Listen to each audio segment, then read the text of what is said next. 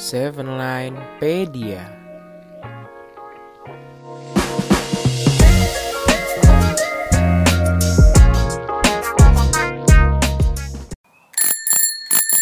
Kring kring, insan muda, main yuk. Back on sepeda, Seven Line on Pedia. Long time no see insan muda. Sudah sewindu. It's kelamaan lah. Tapi rasanya kayak udah sewindu loh, Lin. Kita nggak menyapa insan muda dari Spotify.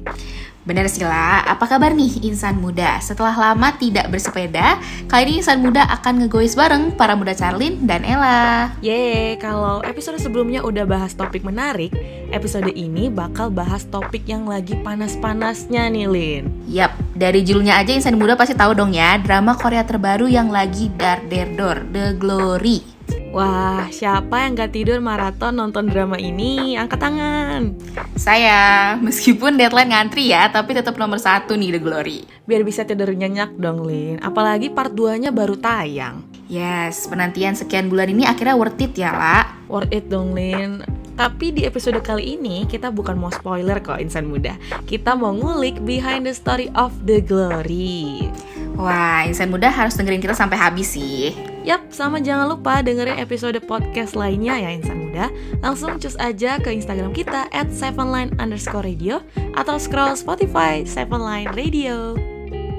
Mungkin buat insan muda yang masih maju mundur cantik nonton The Glory, kita kasih sneak peek dulu kali ya, lah. Yuk, The Glory menceritakan tentang Moon Dong Eun yang diperankan oleh Song Hye Kyo yang mengalami pembulian parah dan sadis saat SMA. Sadisnya gimana tuh lah? Ini salah satu adegan yang menyayat hati banget sih Lin. Jadi sekujur tubuh Dong Eun dibakar dengan catokan rambut sampai akhirnya Dong Eun putus sekolah lantaran tidak kuat dengan tekanan yang dihadapinya. Makanya itu ya lah, Mendongan mendedikasikan hidupnya untuk merencanakan balas dendam kepada para pelaku dan orang-orang sekitarnya yang tidak ikut membela. Para pelaku pembuli Dong Eun dipimpin oleh Park Lon Jin yang diperankan oleh Im Ji Yeon dengan rencana balas dendam Dong Eun dieksekusi setelah Yeon Jin menikah dan memiliki anak. Jadi momen klimaksnya yang paling ditunggu-tunggu nih akhirnya tiba ketika anak Yeon Jin telah masuk SD. Nah, Dong Eun tentunya nggak sendirian ya, Lin. Ada Lee Do Hyun yang berperan sebagai Jo Yo Jong, pasangan Dong Eun. Kalau di series ini disebut sebagai Algojo dalam tarian pedang Dong Eun. Eh, tapi yang sangat disayangkan dari serial inilah ternyata based on true story loh. Hah, astaga. Oke semuanya, kelas hari ini selesai. Sampai bertemu minggu depan. Eh, lapar gak sih? Lapar banget sih. Jadi makan yuk. Ayo. Ah, kenyang banget, tapi masih banyak. Ih, kok nggak dihabisin? Sayang loh makanannya. Banyak banget makanannya. Gak kuat, kenyang banget. Insan muda, kamu tahu nggak sih penyumbang sampah terbesar itu ada di sektor makanan loh? Indonesia menjadi penyumbang sampah sisa makanan terbanyak nomor 2 di dunia. Yuk biasain habisin makanan kamu mulai sekarang. Iklan layanan masyarakat ini dipersembahkan oleh Seven Line Radio.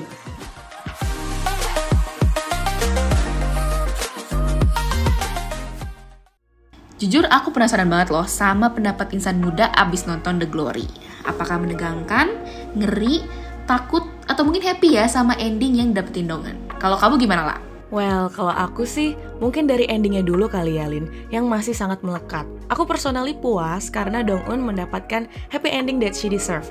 Plus selain love line, dapat partner in crime yang tidak lain dan tidak bukan adalah dokter manis Ju Yo Jong.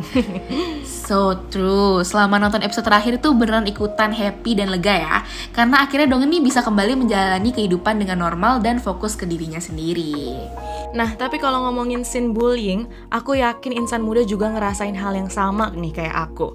Campur aduk antara ngeri, marah, dan speechless kok bisa ya ada orang yang isengnya ngebakar kulit orang pakai curling iron. Kita yang kadang gak sengaja kena catok sedikit aja, perihnya luar biasa gak sih Lin? Ini sampai bermenit-menit loh dibiarin di kulit orang lagi. Uh. Iya kan, saking di luar nalar nih ya kelakuannya Yeonjin dan gengnya ini sampai susah itu dan mungkin lebih nggak mau ngebayangin gitu kalau ada kasus yang sama di kehidupan nyata. Tapi tahu nggak sih insan muda, faktanya scene bullying curling iron ini sebenarnya diangkat dari kisah nyata tahun 2006 lalu loh.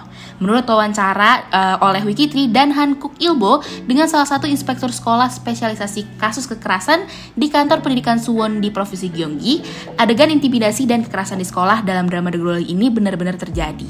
Bahkan disebutkan lebih buruk daripada yang digambarkan. Yap, berdasarkan kesaksian, pelaku yang saat itu berumur 15 tahun menyerang temannya yang satu tahun lebih muda. Perundungan dan kekerasan terjadi terus-menerus selama kurang dari 20 hari.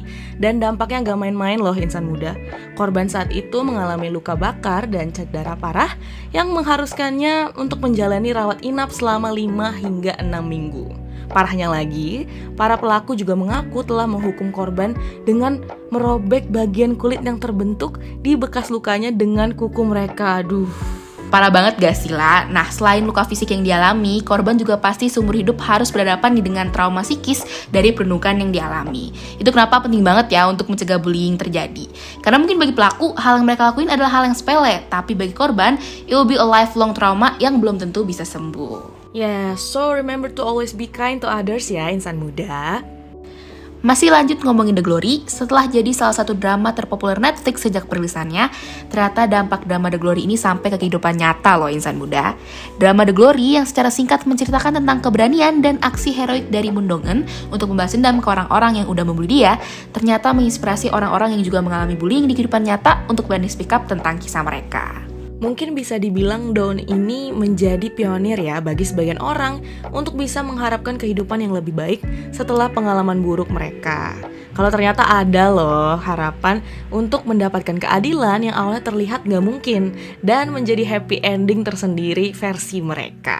Yes, bahkan setelah perilisan The Glory Part 1 kemarin, banyak forum bermunculan yang menjadi tempat para korban bully menceritakan kisah mereka. Salah satunya nih ya, lewat hashtag The Glory Thai yang akhirnya membongkar kasus bullying seorang aktor Thailand terkenal.